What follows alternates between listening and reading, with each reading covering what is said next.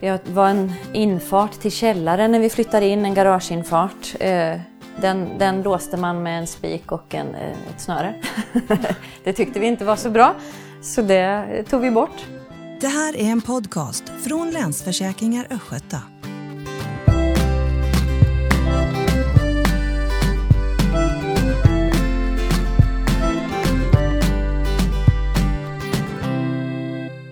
Brand, inbrott, vattenläckor. Ja, det är mycket som kan hända i ett hus.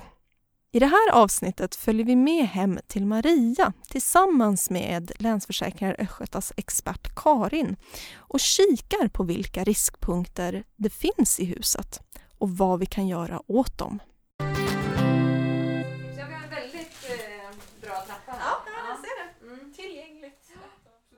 Nu står vi här i ett eh, hus som ligger ganska lantligt till och ska kika lite på husets riskpunkter, bland annat med dig Karin.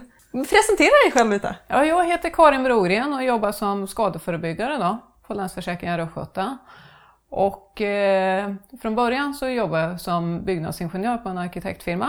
Men 2003 så bytte jag då och blev eh, byggskadereglerare på Länsförsäkringar. Och sen 2012 så hade jag möjligheten att få ja, platsen som skadeförebyggare istället.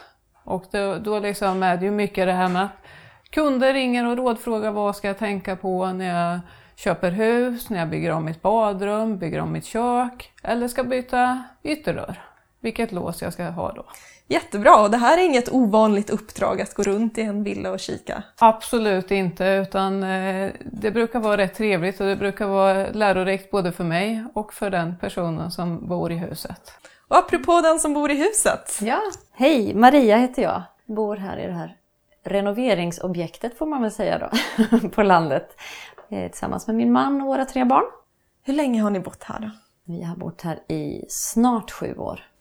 Och vad är det för typ av hus? Kan du beskriva lite? Det är ett eh, hus, gammalt trähus som är byggt, eh, det är två delar kan man säga. Den första delen är byggt eh, 1928 och sen är det en tillbyggnad som är byggd någonstans mitten på 70-talet. Och ni har gjort lite grejer här då? Väldigt, väldigt mycket grejer. Ständiga. Vi har, vi, har eh, gjort, ja, vi har gjort väldigt mycket men än så länge mycket sådana här saker som inte eh, syns. Vi har eh, gått uppifrån och nerifrån och börjat med ja, tak och, och dränering och alla sådana här saker för att ja, undvika skador på den, på den stora fronten.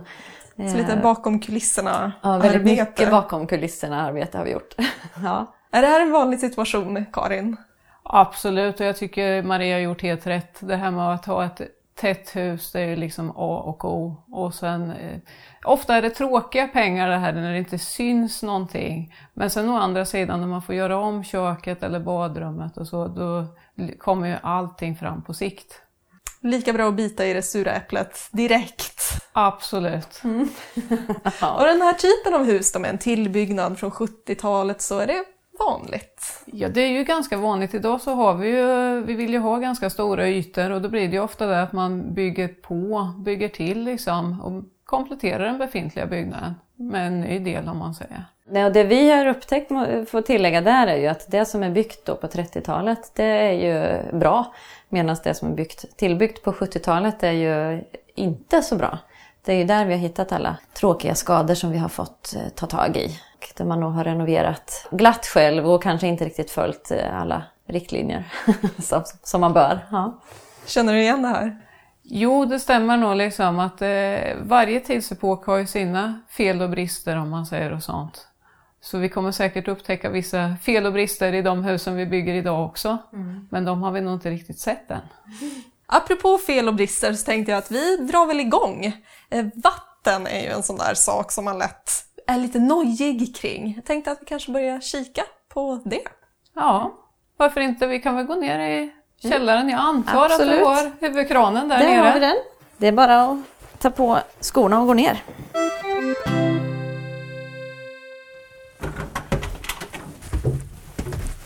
Det är en riktig sån här källare som Ja. en källare ska vara. det är verkligen det. Ja. Ja, här finns lite arbetsytor och...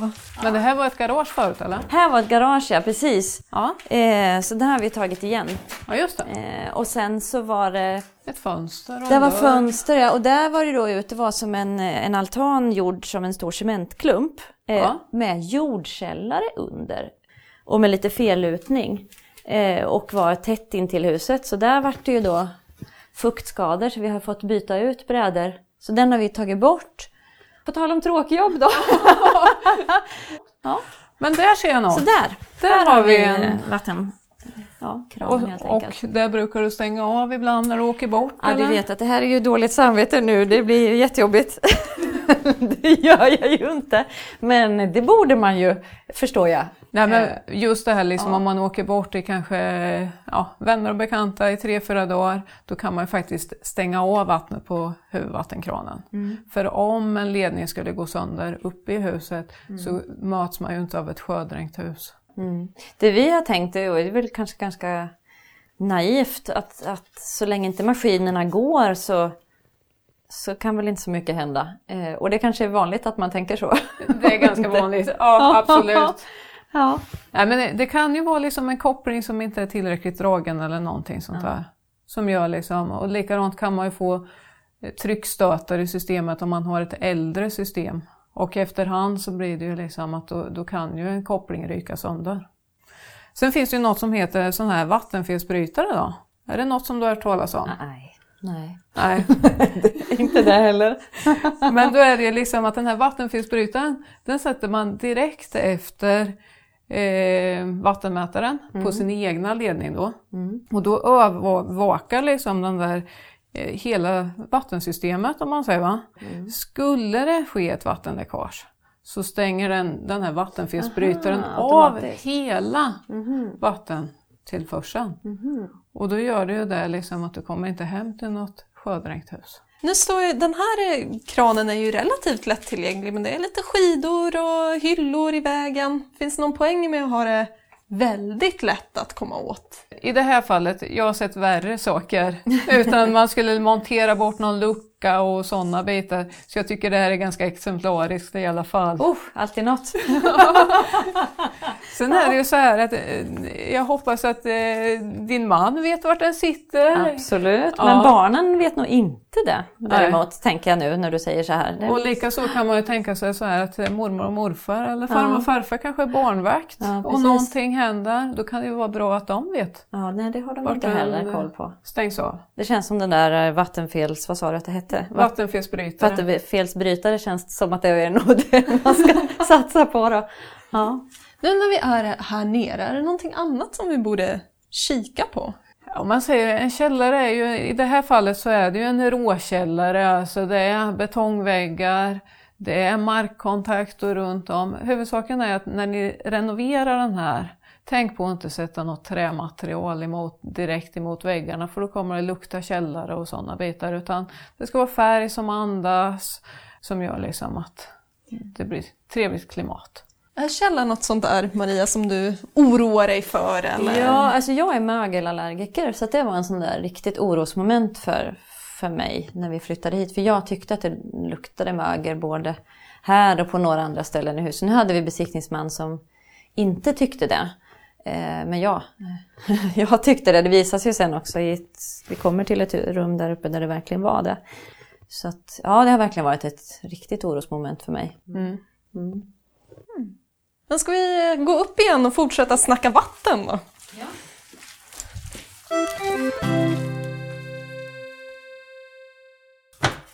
Så, då står vi inne i köket då. Vatten här, vad finns det att tänka på? Ja, om man säger liksom statistikmässigt och så, så ser man det att eh, det blir mer och mer vattenskador i kök. Badrummen blir bättre och om man säger de är ju gjorda för att tåla vatten. Medan i köket har vi det är ett torrt utrymme med massor med vatten indraget om man säger. Man har diskmaskin, man har kyl och frys, man kanske har vattenanslutna andra apparater, till exempel ismaskin eller kolsyremaskiner som kan börja läcka. Eh, nu ser jag ju det att ni har ju så här vattentätt golv under diskmaskinen, jättebra. Och jag ser att ni har så här fuktskydd även under kylen frys.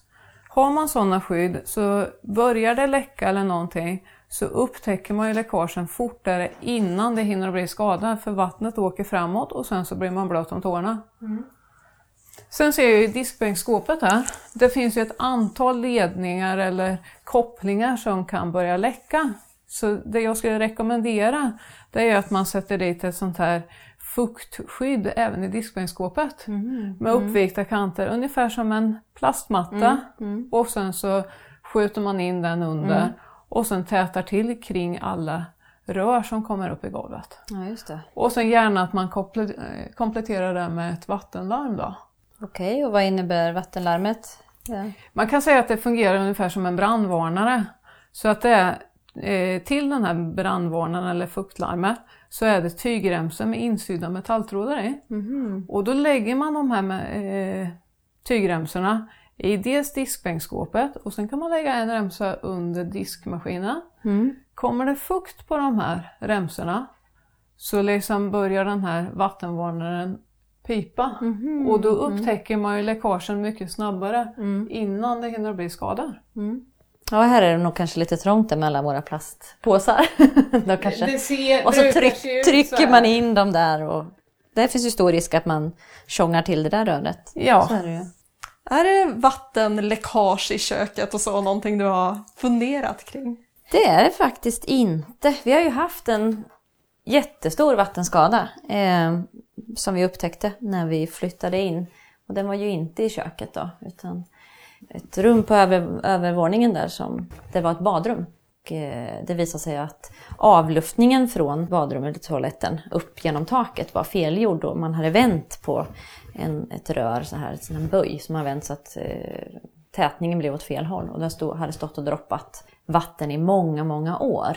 Ja det, ja, det slutade med att vi fick göra om ja, verkligen, ja, hela den här nya tillbyggnaden. Så vi, vi trängde ihop oss och bodde i hallen och barnen i ett rum och så fick vi öppna upp ja, ända ut i det fria. Taket visade sig ju då också vara felgjort med isolering som låg dikt an emot och hade stått och samlat fukt i alla år. Och, ja, så det var bara att börja om och göra rätt. Ofta är det ju sånt här som liksom händer när man, eh, när man upptäcker skador så ser man det att ja, men då gör vi om det och jaha, ser det ut så där, ja men då får vi nog göra om lite till och sådana bitar. Men då, det brukar bli bra i slutet.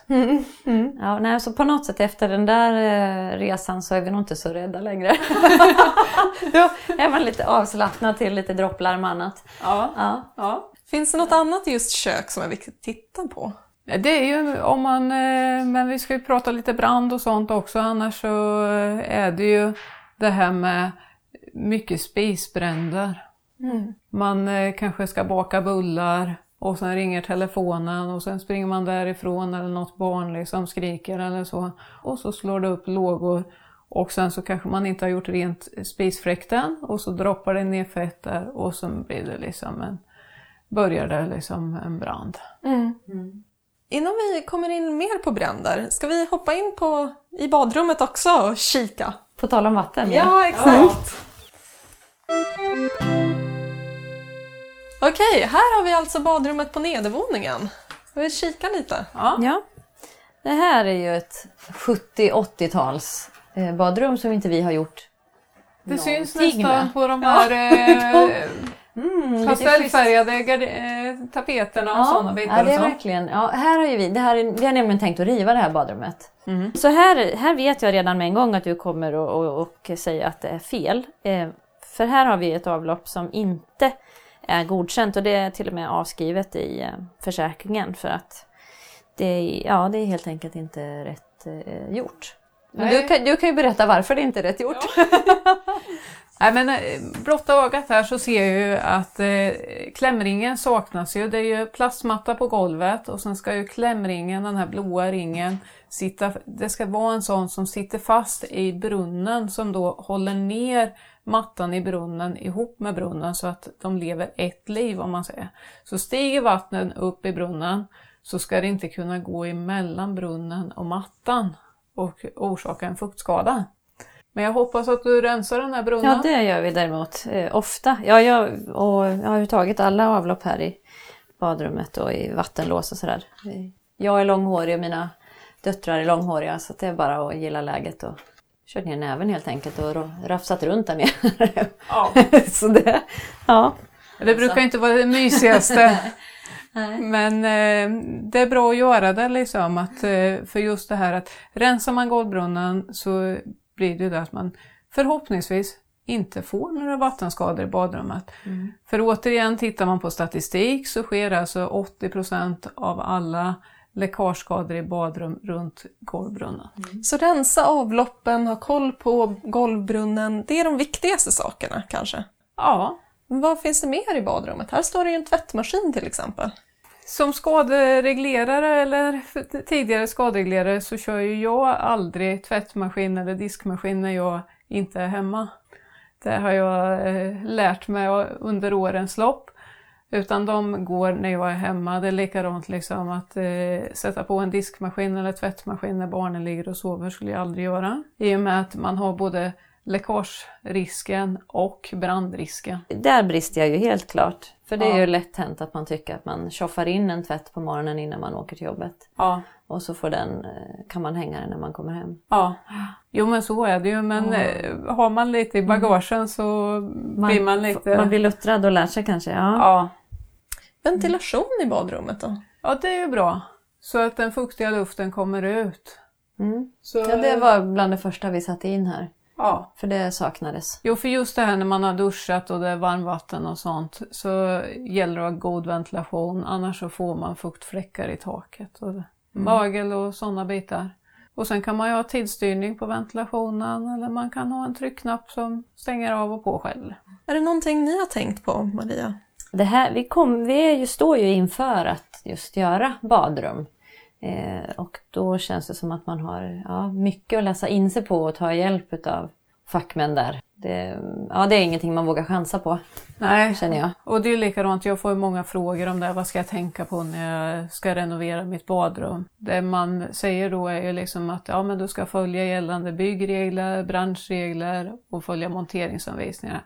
För att du ska kunna få försäkringsersättning om någonting händer. Och likadant att man använder då certifierade entreprenörer.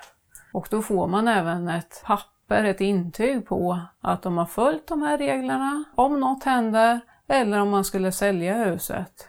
Det är, liksom, det är ju en värdehandling som ska vara i huspärmen. Ja, vi kikade ju lite på det här med risken för att det blir bränder i köket. Och här står det ju en uppenbar risk för brand kanske. Maria, vill du beskriva vad ni har här i vardagsrummet? Ja, en kamin. Eh, och när vi flyttade in här så då stod det väldigt prydligt uppställt eh, lite björkved i den här. Eh, de björkveden hade stått där i 43 år. De hade aldrig eldat. De var bara som prydnad. Så att, men jag tycker det är supermysigt med, med att elda och den värmen. Så vi satte in en insats. Och dels för att behålla mer värme i, i huset men också för att vi har barn och av säkerhet. Då. Men vi använder den här jättemycket, framförallt på vintrarna.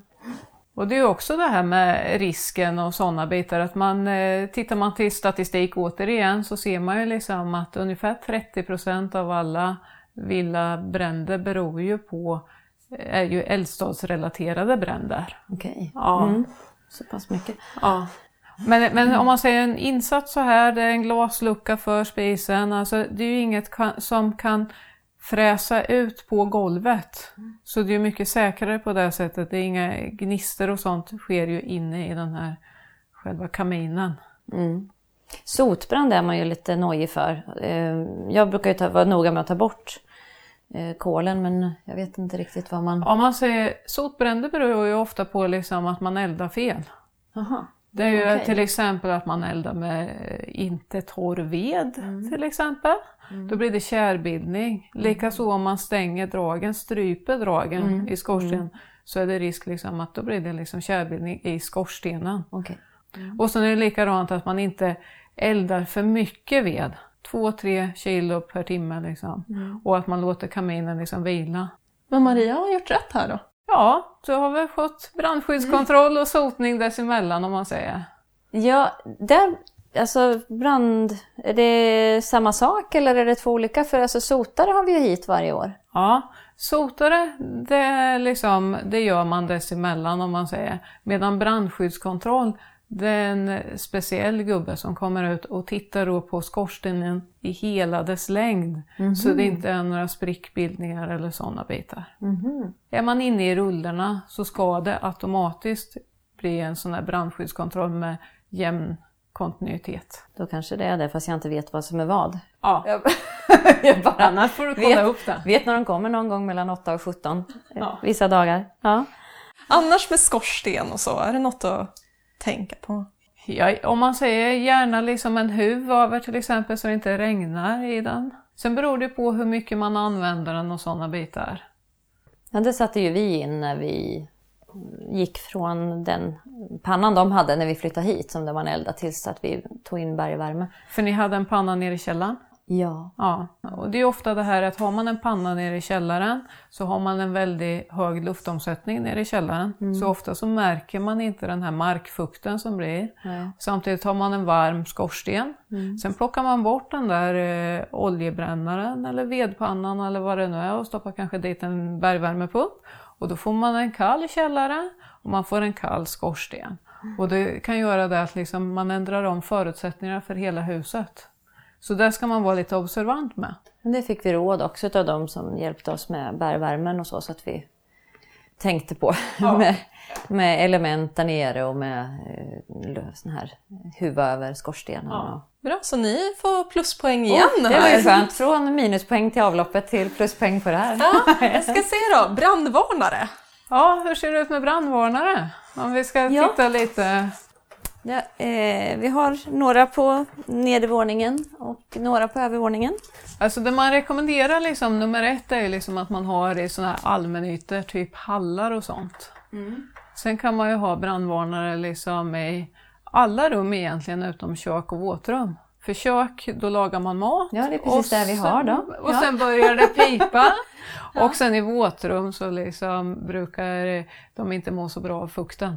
Så då om man sätter upp liksom brandvarnaren i taket i hallen här så kommer ju röken direkt att träffa brandvarnaren om det skulle Ja, hända någonting. Så det är därför liksom brandvarnaren ska alltid sitta i taket. Lite drygt en halv meter ut ifrån väggen. För det blir som en luftficka där inte röken kommer åt. Ja, där har vi ju nästa fel då. För den, då kommer du se de som är här uppe, de sitter då på väggen. Aha. Då får vi väl gå upp och titta. Ja, får väl göra det. Ja, den där skulle jag rekommendera då att man eh, flyttar till taket Och, en sen halv har- meter ut då. Ja, och sätter den eh, över trappen till exempel. Mm. Men sen pratar du om att de där var sammankopplingsbara. va? Ja, precis. Vi har köpt sådana som piper liksom ihop allihopa. Har ni barnens sovrum också? Vi har i hallen där emellan. Ja. Deras, de har tre sovrum ligger ihop här så, så har vi, nu vet jag inte riktigt var den sitter nu. Eller om den bara ligger tyvärr kanske till och med uppe på där ja. Mm, ett fel till då. Den ligger nog på bokhyllan här. Nej, för ofta är det ju det här med barn och, och eld och sånt. Det kan ju vara lite spännande att låna tändstickor och sånt där. Va? Och sen smyger man upp till sitt rum och stänger dörren och sen håller man på och fipplar med det. Va? Och stänger man då dörren, då dröjer det kanske en kvart innan brandvarnaren utanför börjar tjuta. Därför rekommenderar man ju liksom att man har även i sovrummen. Och om man tar barn, går ju till ungdomar sen. Och hurdana är ungdomar då?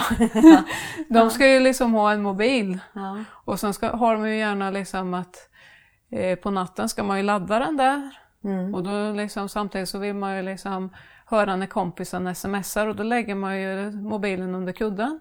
Och det där blir ju värme. Mm. Och det är ju också en brandfara liksom, att det blir ju varmt när den laddas. Okej. Ja. Så det är också sånt som man kan tänka på. Har ni liksom någon eh, ja, utrymningsplan eller sådär att om det skulle hända något, har ni någon återsamlingsplats då som ni liksom... Ja, det har vi. Vi är ute vid soptunnorna. Ja. Och det pratar vi med barnen om regelbundet. In, innan vi köpte de här sammankopplande brandvarnarna så hade vi vanliga enkla brandvarnare. Men som eh, ja, en efter en gick sönder. De pep lite när de själva hade lust med. Och då var det just en sån här natt som dessutom som hade varit en sån där ja, sjuka barn och upp och ner och fram och tillbaka. Så alla var rätt så eh, vim, vimmelkantiga där. Och på, trötta och Ja, allting. så framåt så här fem sex någonstans så, så satte ju såklart det här brandlarmet också då igång som lite grädde på moset efter den här natten. Och då Då eh, rusade mellanbarnet. Hon, vi hann inte ens liksom komma upp och säga till att, att det inte var någonting förrän hon var halvvägs ut på grusgången i, i bara trosorna barfota sprang, sprang till, till soptunnan. Så det hade väl ja, det hade ju gått in om inte annat. Ja. Ja.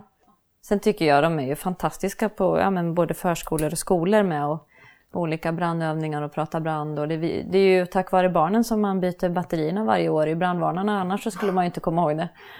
Alltså barnen är jättebra sådana här eh, förebyggande gud, spridare. ja. ja.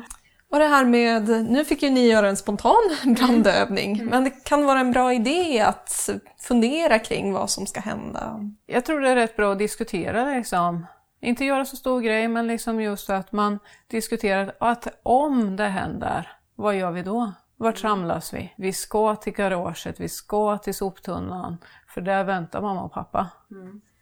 Hur har du med släckare så här på övervåningen? Nej, det har vi ju inte. Vi har bara den där nere. Ja, Det borde man ju ha en kanske här också. Ja, den har vi där nere i hallen och, och alla vet hur, och vi har gått igenom hur den funkar och sådär för barnen. Men vi har ju, man borde ju som du säger kanske ha en här med då. det, man rekommenderar ju pulversläckare Mm. i och med liksom att de, det krävs inte så stor släckkunskap, alla klarar av att släcka med en pulversläckare.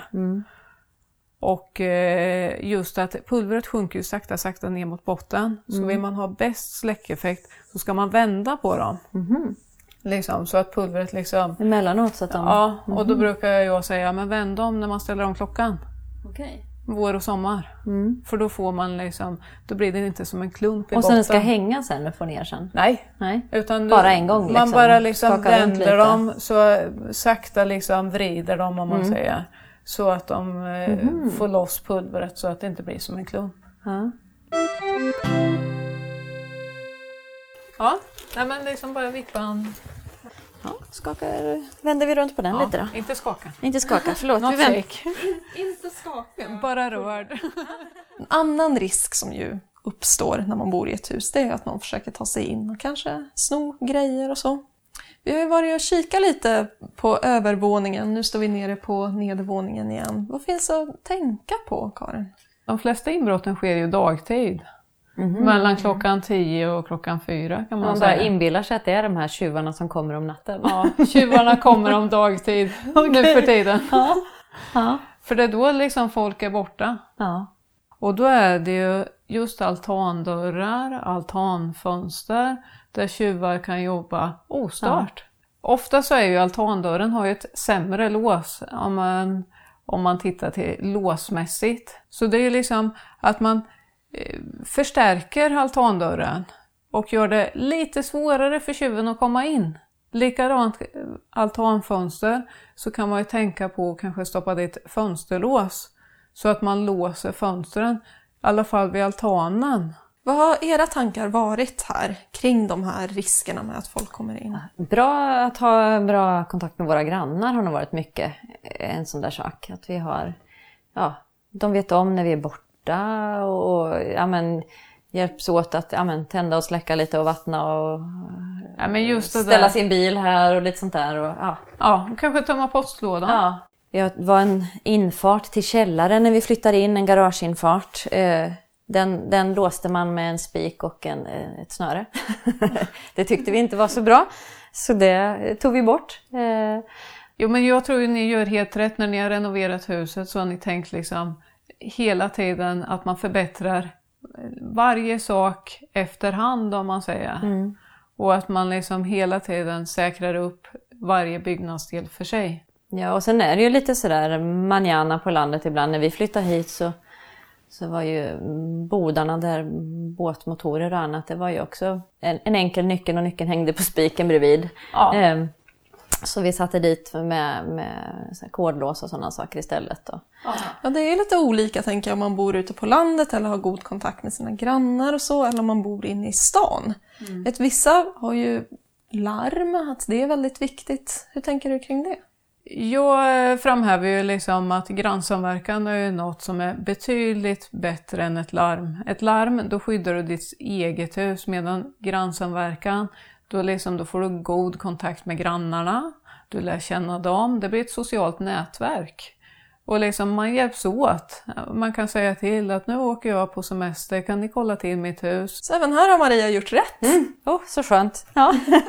Sen är det bra, vi har lite pensionärer i området med. De, de håller stenkoll. Ja men det är bra med de här varierad Ja. ålder på Ja. de som bor i området. För man har olika dygnsrytm. Mm. Ja, det är nog bra. Ja, riktigt bra grannsamverkan här ute, så det är skönt. Nu, eh, just idag så är det ju strålande sol ute, börjar bli ganska somrigt väder och om inte allt för länge kommer folk börja åka iväg på semestrar.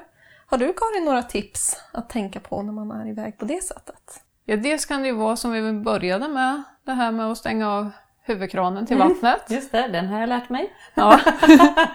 Och sen är det just prata med grannarna. Nu tänker jag åka bort några dagar. Kan ni titta till mitt hus?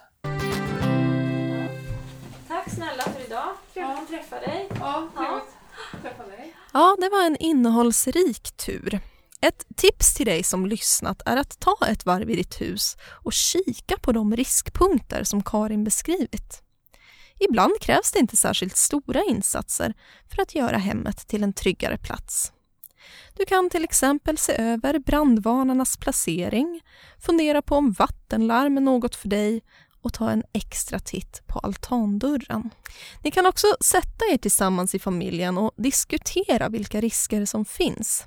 Det kan till exempel vara en bra idé att komma överens om en gemensam återsamlingsplats och att se till att alla vet hur brandsläckaren fungerar och var huvudkranen finns. Ja, jag har i alla fall lärt mig mycket av mötet med Maria och Karin. Jag hoppas att du också gjort det. Tack för att du lyssnat. Vi hörs!